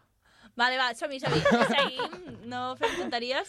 Tots I- aquests ens paguen, no? Tota Ah, la tant de bo, tant de bo, tant de No, bo. espero que no, perquè no volem fer partnership amb, amb gent que fa esclavitud laboral als seus treballadors, no? Molt bé, molt bé, Ivet. Sempre... El... No, no, va molt bé, va molt bé el teu, Sempre el m'agrada teu Calcuta, apunt. eh? Molt bé. El teu... Exacte. Molt agraïts a l'apunt. I ara toca... Um, què li ha cridat l'atenció aquesta setmana al Jordi, Llopart? El meu no és tan profund. Perdoneu. Jo és que aquest any he anat a viure a Barcelona.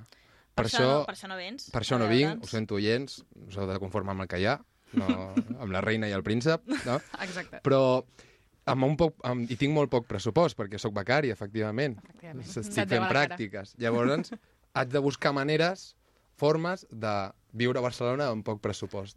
Um, I fa- I és molt complicat, És molt complicat, però es pot fer. I fa com tres mesos em van parlar d'una aplicació que es diu Too Good To Go. Avui estem molt de fer publicitat de coses, Sí. eh? Sí, sí, sí. sí, Començarem a enviar boníssim. mails perquè ens Sí, patrocinin. home, faltaria més. Tu, tu, Too Good To Go.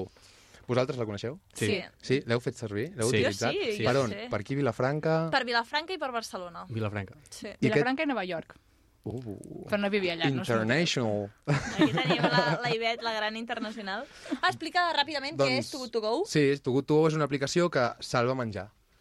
Salva menjar, ens referim a menjar fresc que està a punt de caducar dels restaurants, eh, supermercats, superfícies, mm, sector alimentari, que s'estan a punt de caducar, el que fan les, les, no les empreses, les tendes, les botigues, Sí. és posar-ho, pen- penjar-ho a una aplicació que seria com el Wallapop del menjar, no? Mm. Pugen l'oferta i diuen tenim un pack que es pot salvar, és sorpresa, a vegades és sorpresa, a vegades t'ho diuen, a vegades no, i llavors tu el reserves.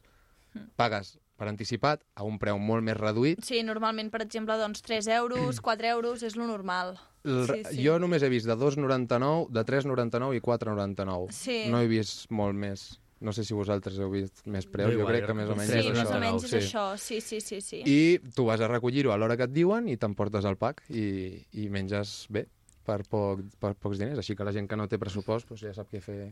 És una manera... I sí, i l'avantatge és això, que no només és a Barcelona, sinó també a Vilafranca. En el, en el teu cas, Jordi, on, on l'estàs agafant? A quins restaurants? Perquè hi ha molts restaurants, Clar. o sigui, penseu, per exemple, a Vilafranca hi ha la Forja o alguna així que és de pasta, que està al costat del Kubrick. Efectivament. Uh, hi ha també El molts Carrefour. cas ametllers, uh, ametllers origen, s'ha de dir.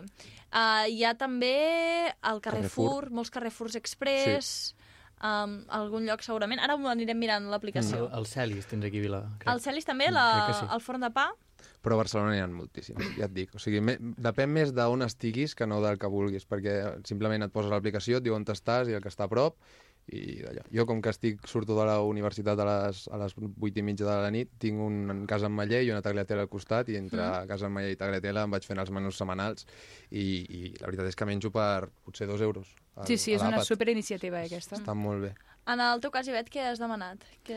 Jo super poc, eh? perquè ho vaig descobrir quan vaig estar de viatge a Nova York, perquè tenia una amiga que vivia allà i m'ho va explicar ella, en plan que allà també és com Barcelona, hi ha moltíssims llocs. I, i bueno, que ella comprava molt allà perquè bueno, és molt car i estava molt bé. I després, quan vaig venir aquí a Vilafranca, bueno, vaig tornar a casa, um, ho vaig mirar i aquí a Vilafranca sí que és cert que hi ha llocs, però més, o sigui, poquets.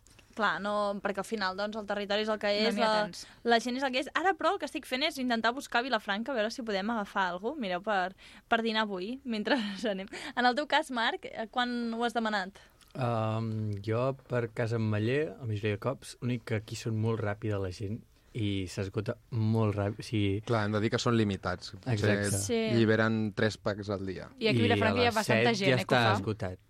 Mireu, ara mateix estic Abans. veient que hi ha ofertes Hi ha molta demanda. per aquest oferta matí, aquí a per, Vilafranca. aquest matí per Vivers Torrents a Pacs del Penedès. Molt bé. Sí, suposo que hi deuen haver plantes o per planters. Ah, que... estem parlant de packs del Penedès, Sí, o a sigui, Pacs, poble, Pacs, poble, sí, poble. Sí. Els monjos, al Forn 4 Barres, veig que hi ha un pack sorpresa. I s'ha- eh, això es va salvar ahir. Ahir es va salvar Mm. a l'Enric de Vilafranca, a la panaderia Costa, no sé on està, Vives Torrents, Xocomania... Tot, quasi tots són packs sorpreses, eh, veig? Sí, sí, a mi era sorpresa quan vaig anar a Vilafranca. Sí, sí, sí. sí. Quasi tot és sorpresa. Hi ha pocs, poques vegades, crec que a Casa Maller, quan tenen varietat, et poden dir si vols càrnic, si vols... Del que tinguin, et deixen escollir, com Escollir. el tipus de menjar, però no et diuen mai què hi ha perquè, òbviament, doncs, és menjar que, que sobra, tampoc és un bufet lliure, no? Eh, vull dir, està sí, fet sí. per la gent que eh, un, en ho necessita i per no tirar el menjar, sobretot. Tot i això, clar, si estem parlant de coses que els supermercats haurien de tirar, comercialitzar-ho és una bona idea o potser seria millor doncs, donar-ho ràpidament, tenir un sistema fet i les persones que de veritat ho necessitin, les persones que han d'anar al banc dels aliments, perquè al final eh, en molts casos és per fer un estalvi, però que igualment et podries permetre la versió doncs, més, més cara. No sé si voleu fer aquesta reflexió.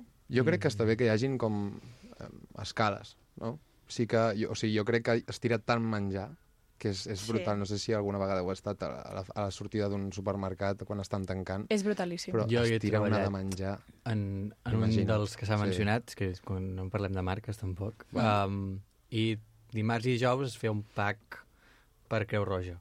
Ah, sí? Ah, molt bé. Que no sé si tirava tant al Tugo Tugo encara, I, Mhm. però és caixes, dos o tres caixes s'embolicaven i coses que caducaven l'endemà o por ahí. Mm. I, però, o sigui, se'n tirava molt igualment, Per això et però dic, inclús almenys fent packs així grans, segur que tiraves es tira Una- molt la de- líquids, cremes, Sí. aquestes coses. llaunes, no? Però no Sí. passa res, som la generació del futur. Nosaltres Sí, canviarem el sí. món, no patiu. Sí, Però és el que et dic, crec, o sigui, crec que, que hi hagin esgraons està bé, perquè potser mm, no fa falta que anem a, a buscar el menjar gratis que s'està tirant, no? però si Mm. podem aportar una miqueta, que és aquests 4-5 euros de, del Too Good To Go, i ho podem fer, doncs, jo ho veig molt bona, molt bona opció. Vull dir, en funció de les capacitats econòmiques de cada un.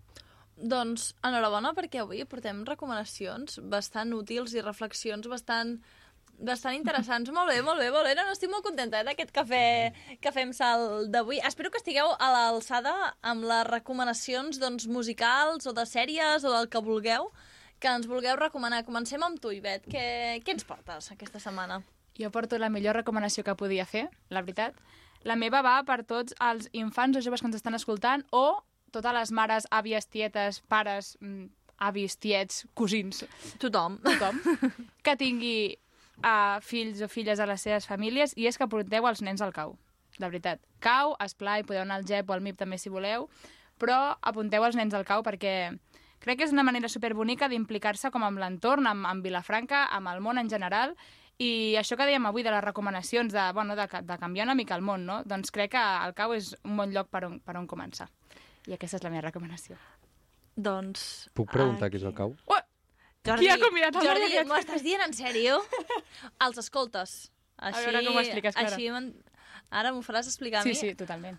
Mm, Marc? Per mi, pels oients Jo que no jo sàpiguen. Exacte, no, no, em se... no, no, no, i és Un- molt, un és molt important. Hi ha moltes persones que és cert que no, no ho saben, o, o no ho saben, o de vegades també ho podem conèixer, però tenim una idea molt errònia, perquè hi ha molta gent que pensa que els escoltes se- se'n van, jo me'n recordo que mm, fa molts anys m'ho van explicar com um, són una colla de, de un grup que se'n van al bosc i que intenten sobreviure. A mi m'ho van explicar així. No, això no és Supervivientes, amics, no estem parlant de Telecinco, estem parlant d'un projecte social, sí? Sí. És un lloc eh, on es treballa en l'educació no formal a través de l'educació en el lleure que pretén la transformació social a través dels infants, de, del creixement personal dels infants, fent-los protagonistes de, del seu aprenentatge, una mica. Treballant l'esperit crític, treballant valors com la natura, el companyerisme i tot això. Jo, jo hi vaig anar, o sigui, jo vaig Eh, fer... molt bé! Sí, vaig fer des de sisè de primària fins a quart d'ESO, més o menys. Molt bé, Marc. Algo així. Que ja et deien si volies fer un monitor i vaig dir... Mm. Ei! De cap, dius. És Kela- que desconnectat no? aquest de cap o Keles. No es sí. diuen Keles, no? Se m'escapa el monitor perquè porto molts anys sense estar envoltat de tema. Pels oients, els monitors són els d'esplai, que no passa Exacte. res, i els caps són els del cau. Però sí que realment, sent petit, que vaig entrar a això, sisè de primària, crec que el quart de primària, és que no me'n recordo, et formen amb uns valors que poder a l'escola no estàs agafant, que al carrer no estàs agafant o estàs ignorant, i et serveix... et fa créixer com a persona realment, i a la vegada també et consciencies amb la, amb la natura, perquè sí que fas es- moltes excursions, als estius te'n vas a pujar muntanyes, inclús, i que sé però està molt bé i és algo bastant increïble, tot i que Molt bé, ara el, el que entra a l'estudi no li agrada gens el cau. Doncs no el deixarem entrar aquí. Uh. I això sí, hi ha moltes persones, en el cas d'entrar a l'estudi estava venint el Bernat Martínez, però um, jo recordo que durant una època era bastant complicat, uh, hi havia moltes llistes d'espera, ara també és tan, és tan difícil entrar en al cau.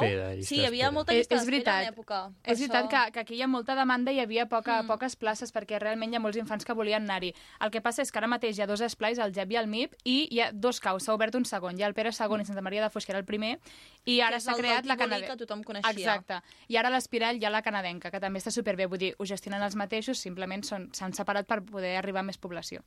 Apunteu-vos i acosteu i que no us faci por. Doncs ens apuntem, Canadenca de això Canadà? sí.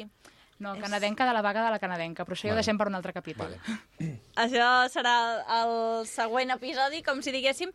Seguim amb les recomanacions. Marc, què ens portes? Jo, Adele, a l'àlbum àlbum nou, Easy on Me, la cançó. Doncs anem a escoltar-la. There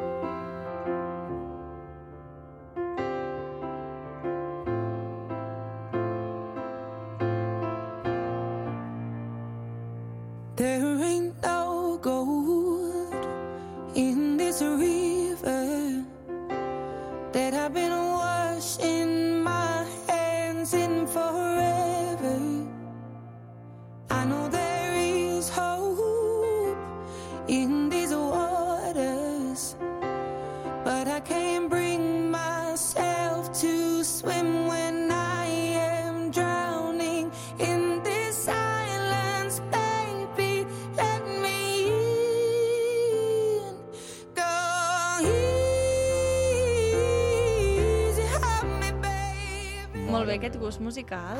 Bueno, és que la setmana anterior m'ho vau criticar bastant durament, llavors No, no, no. no. he hagut de refinar una miqueta. Els vaig portar rap i m'ho van tirar per sobre. Bueno, és igual. No, jo també t'hagués tirat per sobre. Jo tampoc, a mi tampoc m'agrada el rap, ho sento. No mi passa, a mi tampoc no m'agrada. passa res, no passa res. Però, ei, molt bona aquesta, eh? Que Ivet? és- és xula. Va sobre principis i... M'agrada, m'agrada que visibilitzis a les dones, vull dir, endavant. Super, pots seguir, Marc, amb la recomanació. No, uh, per fi, per fi he tornat. Ara feia dies, feia anys que no, que no sortia a la, a la gran pantalla, al gran, allò, els focus, i és curiós que sempre el seu àlbum, el nom sempre són superoriginals, són les edats que ho compon o que ho publica, ara és el 30. Ah, Sí. d'acord. Bueno, això- no s'hi mata, millor, no millor. s'hi mata, no. Llavors... Bueno, a veure, n'hi ha molts que no s'hi maten, eh? Vull Exacte. dir. Crec que s'hi maten menys, eh? Sí. Sí.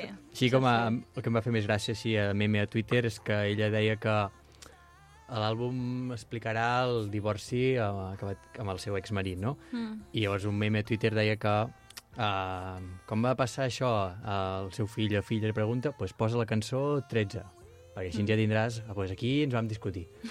Ai, jo crec que és meravellós, em sembla supertendre.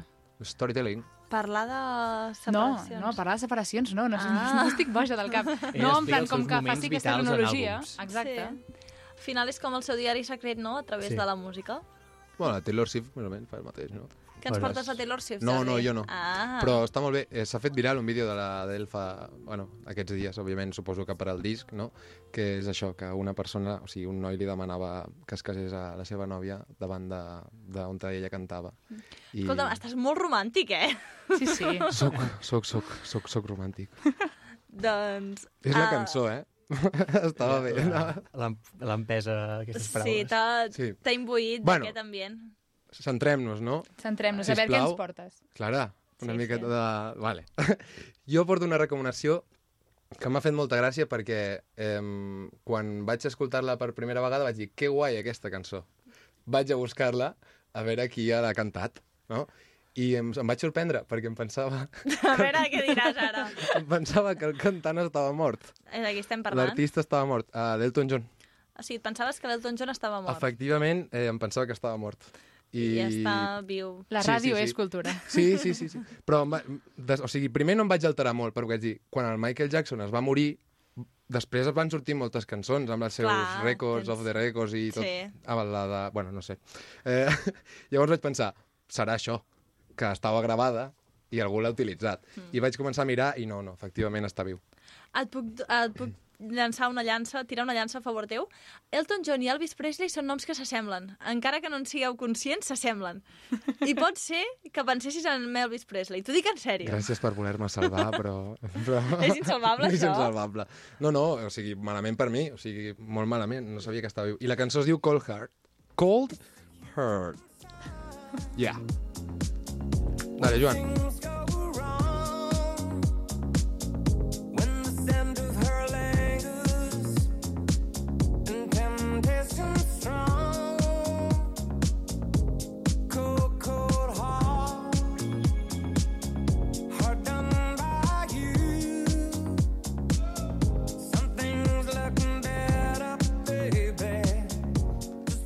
Molt bé, aquesta cançó és una cançó per, com de discoteca, però una mica com d'abans, no? Quan es ballava una mica diferent. Home, Sí, Elton sí. John. Que les discoteques de, pa- de patins, no? De com? Amb patins, que vas... Oh! M'encantaria anar a una d'aquestes, m'encantaria. Que al grill poguessis entrar en patins, seria oh, boníssim. Seria... Home, doncs justament tenen una pista darrere que es podria fer perfectament, eh? Ho proposarem, Uau. ho proposarem. Oh, acabes de tenir la millor idea Clar. de la història. Clar. Una discoteca de patins.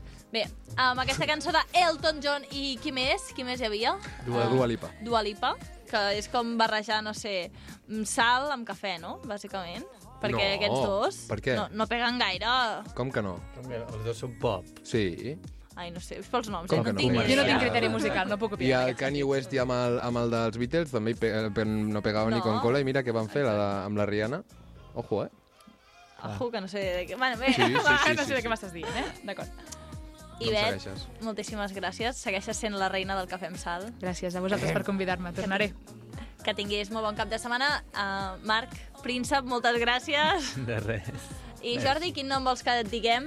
No ho sé. No m'ho he pensat. Doncs, sense nom... Elvis Presley. Elvis Presley, doncs moltíssimes gràcies als tres per acomiadar-nos d'aquest dissabte. A reveure. Cold, cold heart, heart done by you. Something's looking better, baby. Just passing through.